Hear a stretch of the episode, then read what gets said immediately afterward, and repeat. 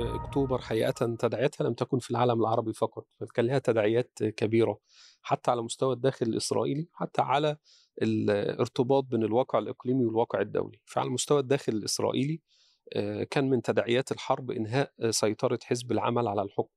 ظل قرابة ثلاثة عقود هو الذي يتولى الحكم منذ تأسيس إسرائيل في عام 1948 آه، في انتخابات 1974 بعد الحرب مباشرة فاز بها ثم خسر للمرة الأولى لصالح اليمين ولصالح الليكود في عام 1977 ومنذ وقتها إلى الآن آه، ظل حزب حزب العمل واليسار يتفكك ويتحلل حتى أن حزب العمل في الانتخابات الأخيرة لم يحصل على العتبة التي تؤهله لإدخال عضو آه في الكنيست وتشكلت أحزاب أخرى آه، أزرق أبيض وغيره لتحل محله وتلاشى العمل في حين أن أصبح الليكود هو القوة آه، الأكبر في الداخل الإسرائيلي واليمين الصهيوني هو القوى الأكثر تأثيرا وله أدبيات وتنظيرات فيما يخص التعامل مع القضية الفلسطينية والعالم العربي. يعني نتنياهو في مذكراته نشرها في أكتوبر 2022 يؤكد على آه، أنه ظلت هناك ثوابت آه، تضغط بها الإدارات الأمريكية حسب كلامه والعالم العربي أن أي تطبيع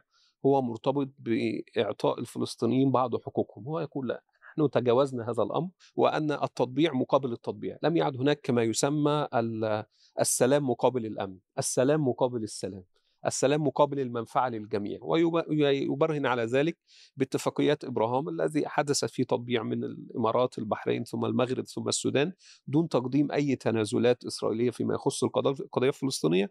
وحاليا هناك ضغط لعمل عملية تطبيع مع السعودية وهو يرفض يرفض إلى الآن أن يقدم تنازلات حقيقية، يعني السعودية تعطي أموال للسلطه الفلسطينية، تعطي بعض المساعدات، إنما قضايا زي عودة اللاجئين، قضايا زي القدس، آه، قضايا زي آه، إيقاف الاستيطان في الضفة الغربية، هذه بالنسبة له خطوط حمراء وخطوط حمراء لدى اليمين بكافة تشكيلاته والذي تصاعد وترسخ بعد حرب أكتوبر عندما شعروا أن هناك تهديد يمكن أن يمثله العرب للدولة فبدأوا يستنهضوا قدراتهم من أجل التأثير بشكل أكبر في الموقف السياسي الإسرائيلي انهم خشوا أن اليسار سيقدم تنازلات في ظل التغيرات التي نتجت عن الحرب. أمر ثاني لا ما زلنا نعيش تداعياته في في ظني مرتبط بحرب أكتوبر هو قضية منع دول الخليج وفي مقدمتها السعودية النفط للدول التي تقدم المساعدات لإسرائيل في الحرب أدى إلى تضخم أسعار النفط من أو ارتفاعها من 4 دولار للبرميل وقتها إلى 12 يعني دولار أزمة كبيرة في أوروبا الغربية وفي الولايات المتحدة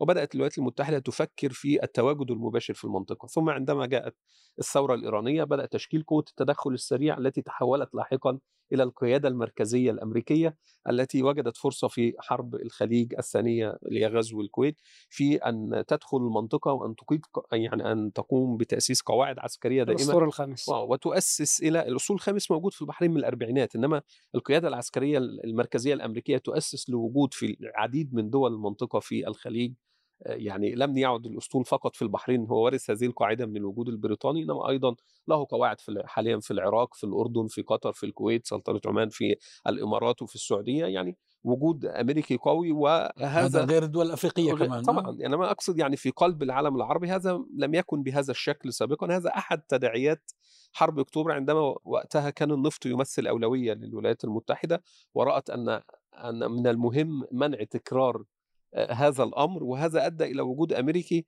أدى إن أمريكا أصبحت طرف أساسي وفاعل في العديد من ملفات المنطقة وأدت زي ما شفنا مع مجيء ترامب للحكم إلى قضية صفقة القرن التي تجاوزت حتى كل ثوابت وكل ال ال ال الأعراف التي حكمت بين قوسين عملية السلام حتى من منظور الأمريكي جاء ترامب وأطاح بها كلها.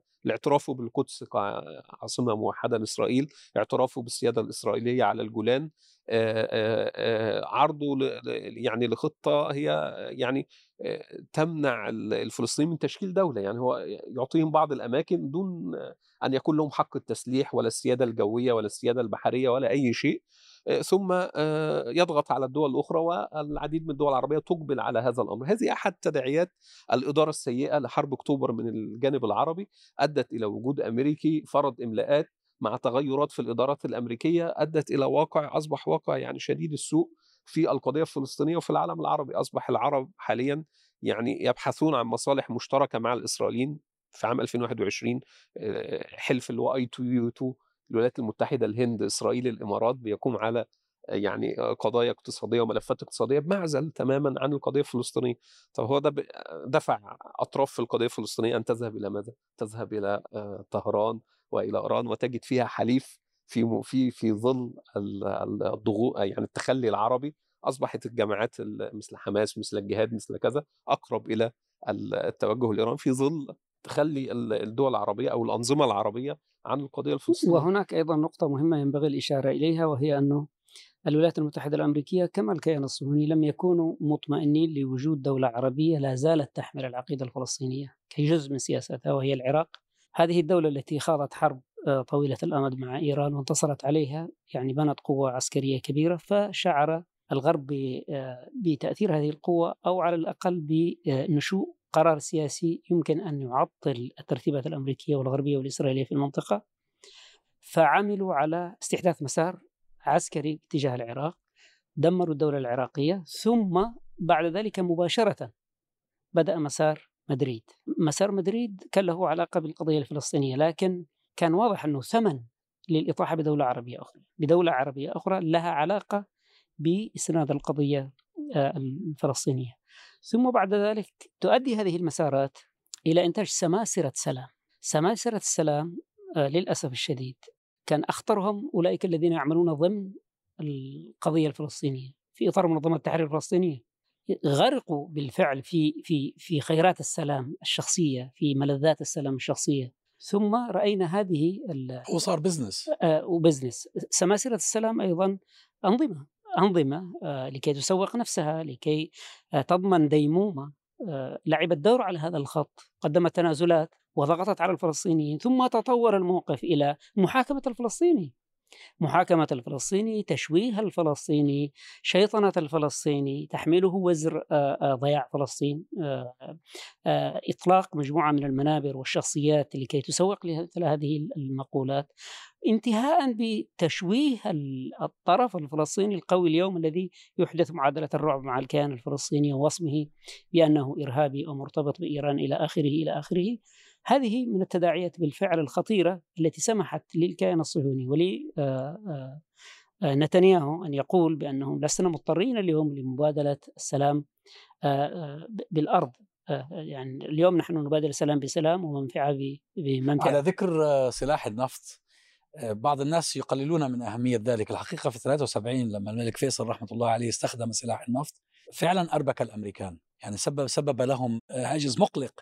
حتى في حوار بين نيكسون وهنري كيسنجر بيقول له بيقول له العرب حيقطعوا النفط عنا أو حيرفعوا أسعار النفط. وأنا ما كيف كيف سأتوجه إلى المواطن الأمريكي آه، بأسعار آه، وقود آه، باهظة التكاليف. لفت انتباهي في فيلم جولدا مقطع مثير للحقيقة.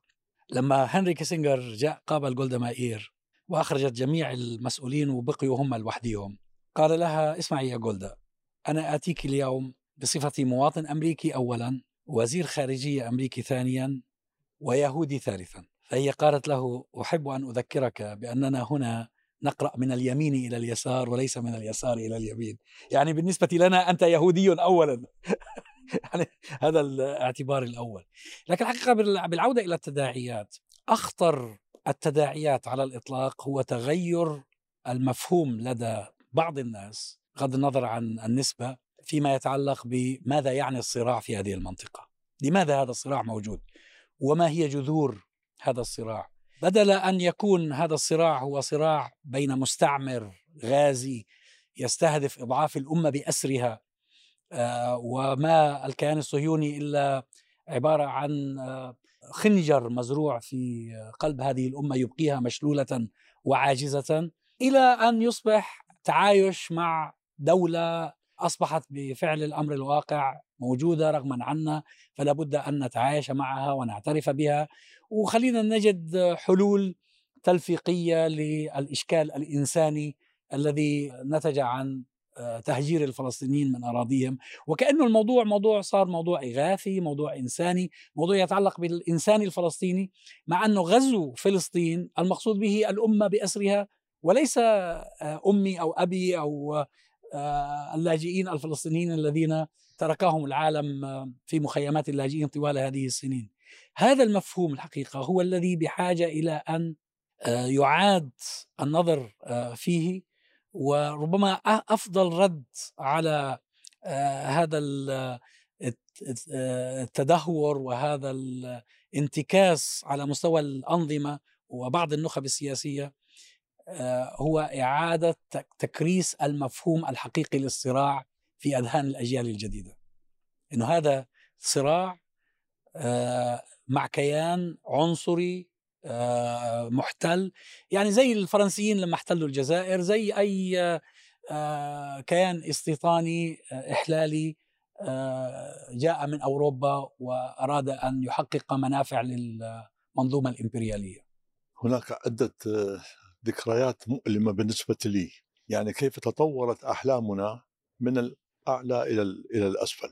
في السابعة والربع من صبيحة يوم 9 حزيران 1967 كنت في اللواء المدرع السادس العراقي عندما وصلنا ليلة 8 على 9 حزيران وكان الأردن قد آه، وافق على وقف إطلاق النار. فلم نلحق أن نشترك في الحرب.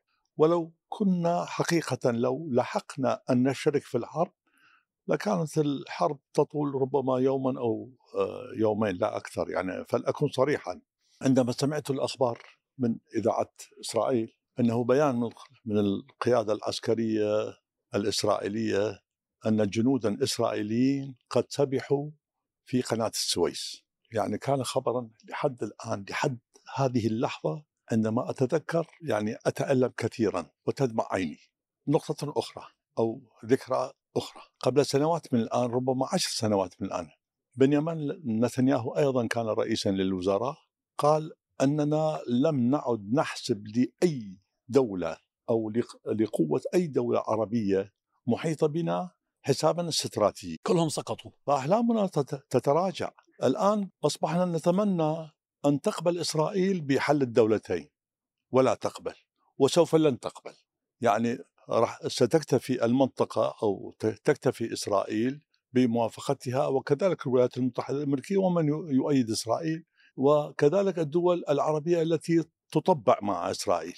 أن تكون هناك دولة أكثر مستوى من ناحية الأداء من السلطة الفلسطينية الحالية وهي ليست أكثر من مستوى محافظة يعني. ناطور ناطور. بلدية بلدية. هي تقوم بخدمات بلدية. ناطور قاسي على الشعب الفلسطيني. صحيح للأسف. ما هو هذا يعني وهذا من من التداعيات. لكن في في نقطة مضيئة. الأحداث في في الأرض المحتلة الآن تمشي في في في مسار أعتقد إيجابي لصالح القضية الفلسطينية. اليوم الجيش الصهيوني يخوض معارك معارك حاسمة في في التجمعات السكانية الفلسطينية.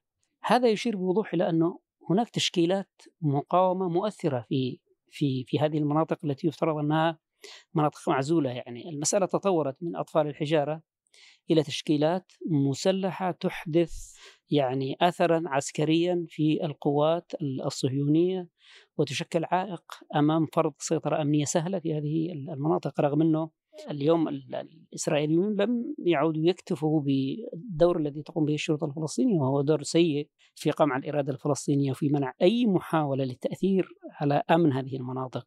اليوم يضطروا إلى القيام بعمليات عسكرية خاصة، هذا يعني بوضوح إن هذه العمليات تستجيب لتحدي خطير موجود على هذه الأرض. فاليوم نحن أمام ظاهرتين، ظاهرة مناطق فلسطينية مغلقة عندها قدرة على يعني ممارسة آه، معارك الردع معادلة الردع مع الكيان الصهيوني وأقصد بذلك غزة. لكن أيضا اليوم تتشكل يعني تتطور الأمور باتجاه آه، يعني ربما تأسيس بؤر مقاومة في الضفة الغربية. وهذا الأمر يحدث في ظل هذا التداعي الذي يتحدث عنه سيادة العميد. هذا التداعي آه، ليس نهاية التاريخ وليس نهاية المشوار. في النهاية هناك أصحاب حق لا يمكن أن يسكتوا وأصحاب الحق هؤلاء تزداد جرأتهم على هذه الإمكانية الهائلة للصهاينة وفي المقابل اليوم هناك تداعيات في الداخل الإسرائيلي. هذه التداعيات آه، أعتقد أنها تهدد هذا الوجود في حالة انقسام كبيرة جدا في حالة تغول آه، اليمين الإسرائيلي على اليسار. على اليسار الإسرائيلي آه، هناك موجات هجرات معاكسة هناك حالة من الاضطرابات آه، داخل الكيان الصهيوني. آه، إذا ما تنامت ظاهرة المواجهات المسلحة هذه مع الكيان الصهيوني أعتقد أنها كافية لكي تخلق تحدي داخلي يسمح لا يس لا يمكن أن يسمح للصهاينه بأن يرسموا الخارطة التي يريدوها في هذه المنطقة المباركة. وأعتقد أن الأمور ستمضي في هذا الاتجاه. وربما نشهد تحول قريب قد يضطر الإسرائيليون معه أن يستجدوا تدخلا عربيا ل شوف هذا المسار ياسين آه، حتمي ليش؟ لأن الكيان الصهيوني كيان عنصري فاشي آه، يمارس كل أنواع القهر والإجرام آه، فالذين يعيشون تحت الاحتلال يدفعون دفعا إلى المقاومة لا مفر من أن يقاوموا ليه؟ لأنه يريد ينزع عنهم إنسانيتهم يدوس عليهم يصادر أراضيهم يهدم بيوتهم يقتل أولادهم المقاومة الخيار لا المتاح. مفر منها م. يعني هما شوف حقيقة ربما الأخ أحمد رمضان بتذكر لما كنا في عمان إذا بتذكر لما آه، دعي إلى مؤتمر مدريد نحن المعشر الذين كنا نشتغل بالموضوع الفلسطيني في الصحافة وفي الإعلام وكذا وضعنا أيدينا على قلوبنا أنه ربما يكون مؤتمر مدريد هذا نهاية القضية. ثم لما وقعت أوسلو أيضا ربما تكون هذه نهاية القضية. كل ما وقعوا اتفاق كنا نظن في فترة من الفترات أنه ربما في طبخة. الكيان الصهيوني بطبيعته يفسد كل الطبخات. لا أعطى الفلسطينيين دولة ولا عامل من وقعوا معه اتفاقيات ومعاهدات أي احترام أو أي كرامة. هو بطبيعته مفجر للصراع. يعني يستفز في, في, في الناس المقاومة بطبيعة الحال. وهذه تحتاج إلى قراءة المشهد الدولي. نحن الآن في مرحلة تشكل نظام عالمي جديد والنظام العالمي الجديد لا يتشكل بنفس القواعد السابقة ولا قواعد اللعبة الدولية هي نفسها. وبالتالي أنا يعني عندما أنظر الآن إلى المسارات تطبيق وغير تطبيق هو عمليا إعادة تموضع لبعض القوى بانتظار المرحلة الأخيرة. هذا التموضع مؤقت من ناحية من ناحية ثانية يجب أن ننظر إلى أن في إسرائيل وغيرها هناك تنامي لقوى اليمين قوى اليمين ليست قوى قادرة على إحلال السلام عادة هي هي قوى تفجيرية قوى صراعية يعني فيها وبالتالي هو يتجه إلى مزيد من الصراع وليس إلى مزيد من السلام. لو كان عنده مزيد من الرغبة في السلام طروحاته بتختلف والمجتمع بيفرز قوى مختلفة عن القوى التي بيفرزها فهي لا تثير قلق. يعني يجب أن لا تشعرنا بأن الأمور انتهت أو لا لا لا بالعكس وهي القضية تتجه الآن بمختلف القضايا العربية. يعني هناك تشكل جديد وأيضا في الساحة العربية هناك تفكير مختلف. يعني عندما نقارن 67 وما قبلها بما المرحله الثمانينيات وما بعدها الآن سنكتشف أن هناك أجيال جديدة لديها القدرة والخبرة والإمكانية والتحدي أيضا آه، النفسي والروحي والمادي وفكرة هذا على مستوى يعني. على مستوى العالم العربي بأسره. يعني أنا ما زلت أذكر لما انطلقت الثورة في تونس ثم في مصر وثم في سوريا واليمن وليبيا كانت هتافات الشارع العربي. الشعب يريد إسقاط النظام الشعب يريد تحرير فلسطين. الشعوب العربية التي انتفضت ضد الاستبداد وضد الفساد فلسطين في في ذهنها وفي قلبها. بالرغم من كل الاتفاقيات والصفقات والمعاهدات التي أبرمتها الأنظمة التي جاءت هذه الشعوب وثارت عليها. فالقضية حية لا يخشى عليها الحقيقة وحتى رأينا انعكاسات ده في بعض الحوادث الصغيرة مثل يعني حادث الجندي محمد صلاح على سبيل المثال في الحدود المصرية الإسرائيلية من بضعة شهور التغيرات اللي كانت حدثت بعد ثورات الربيع سواء في الموقف المصري رأينا حجم الحراك الشعبي الكبير اللي كان مندد بعملية التطبيع وأحداث السفارة الإسرائيلية اللي كانت في القاهرة الشهيرة اللي تطلبت من نتنياهو إن يتصل بأوباما ويطلب منه أن يضغط على الجيش المصري من أجل وقفها. يعني هذا الكلام ذكره نتنياهو بتفصيل في مذكراته والعديد من المسؤولين الأمريكان يعني. ف آه، أنا أظن إن قضية القضية الفلسطينية يظل مرتبطة بالأوضاع في الدول العربية المحيطة والأوضاع في الدول العربية المحيطة هي أوضاع غير مستقرة. الأنظمة آه، في العديد من الدول التي مارست استبداد وقسوة هي تحكم بقبضة أمنية ولكن لا تحظى بمشروعية ومهددة في أي وقت. مهددة بأي وقت بحدوث حراك شعبي بحدوث تغيرات هذا سيغير من المعادلة. ذكر أيضا نتنياهو كان يتحدث أن عام 2011 هو بيصف ما حصل فيه أنه تسونامي أتى بإسلاميين لمقاعد الحكم. وغير المعادلة الاستراتيجية لإسرائيل. نجحوا في الثورة المضادة في تغيير المعادلة مؤقتا ولكن أظن أنه ستكون هناك موجات أخرى لأن الأسباب التي أدت لاندلاع ظاهرة الربيع العربي في 2011 هي لم تتلاشى بل هي ازدادت وتكثفت وتفاقمت. فهي قضية وقت هتكون هناك يعني حراك مضاد. هذا الحراك بدون شك سينعكس على الحاله الفلسطينية مثلما ساهم في تطور الأوضاع في غزة. يعني الانتعاشه التي حدثت في غزة على مستوى الخبرات والقدرات والإمكانات هي ارتبطت بنسبة كبيرة بالثورة في مصر والثورة في ليبيا على مستوى سهولة نقل الأمور والخبرات والكوادر إلى غير ذلك. فأظن إن الواقع العربي آه، قابل للتغيير وهذا التغيير سيكون له انعكاس إيجابي على القضية الفلسطينية. ال- ما زال إلى الآن عملية التطبيع التي تمت هي على مستوى الأنظمة يعني الموجودة وليست على المستوى الشعبي ولا تحظى بقبول. يعني حتى لما راحوا قطر في كأس العالم مثلا المشجعين الاسرائيليين اشتكوا أنه لم يكن هناك احتفاء بهم من ال- يعني الجاليات العربية المتنوعة اللي كانت حضرت في الكأس. هو هذا يذكرنا بالتنازلات الكبيرة اللي قدمها النظام الحالي للصهاينة عندما دمر مدينة رفح. رفح. مم. وأنهى ال- الأنفاق. ومع ذلك استمرت الأمور على ما هي عليه بالنسبة لقدرة الشعب الفلسطيني على المقاومة وعلى حماية ال- ال- ال- غزة وإبقائها مؤثرة عسكريا بالقدر الذي نراه اليوم. لكن أيضا على ذكر ال- الجندي محمد صلاح هذا آه، يعيد إلى الأذهان حادثة الجولان. في الجولان كان كانت البندقية بدون رصاص. لكن حادثة الصلاح آه، استدعت تعليقات إسرائيلية من قبيل أن حرس الحدود المصريين كانوا يعانوا من سوء تغذية. وكان بعضهم يأتي إلى الحدود لكي يحصل على غذاء من الجانب الإسرائيلي. فغزوة محمد صلاح فهمت في هذا في هذا الاتجاه أنه ربما أتى للبحث عن طعام من الجانب الإسرائيلي. لماذا يبحث؟ حرس الحدود حارس الحدود المصري عن طعام لماذا يعيش حالة البؤس في الطرف الآخر؟ لماذا وهو يحرس ثغر وهو يدفع خطر آه، وجودي عن بلده؟ لماذا يعيش حالة البؤس هذه؟ هذا آه، هذه تشير إلى أيضا آه، إلى أن التنازلات اللي قدمت فيما بعد الثورة المضادة كانت أكثر مرارة فيما يتعلق بالقضية الفلسطينية وأظهرت إلى أي مدى يمكن لهذه الأنظمة أن أن أن تقدم التنازلات وأن تضحي بثوابت الأمة وفي مقدمتها القضية الفلسطينية. يعني هذه ق- قصة محمد صلاح إنه آه، ذهب من أجل الغذاء. هذه ثابتة؟ الإسرائيليين علقوا. هذه يعني فرضية من الفرضيات لا،. ربما البعض ال- الإسرائيليين قالوا كنا نعطف عليهم كنا كنا نقدم لهم الطعام لأنه كانوا يعانوا من مشكلة. يعني الوجبة التي يحصل عليها الجندي المصري كانت آه، بائسة يعني فول وكذا وخبز بينما في الجانب الإسرائيلي ال- لكن يعني تفاصيل قضية محمد صلاح والإعداد لكمين ثم مواصلته وكذا يعني مختلف خارج شوي. سياق آه، قضية انه هو أنا أستبعد إنه كان يريد علاقة أو بالطعام كذا يعني, آه. الأمر كان أكثر تعقيدا